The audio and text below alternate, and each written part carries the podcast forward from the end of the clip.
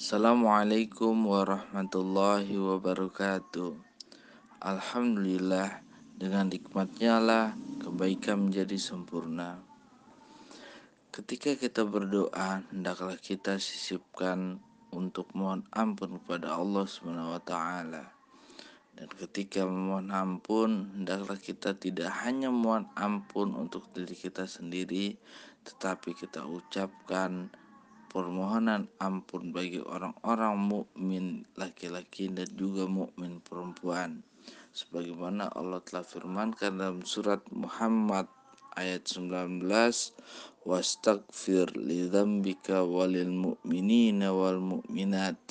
Dan mohonlah ampunan bagi dosamu dan bagi dosa orang-orang mukmin laki-laki dan perempuan Mari kita laksanakan dan implementasikan apa yang telah Allah serukan dalam kita, di dalam Al-Quran tersebut dan semoga bermanfaat bagi kita semua.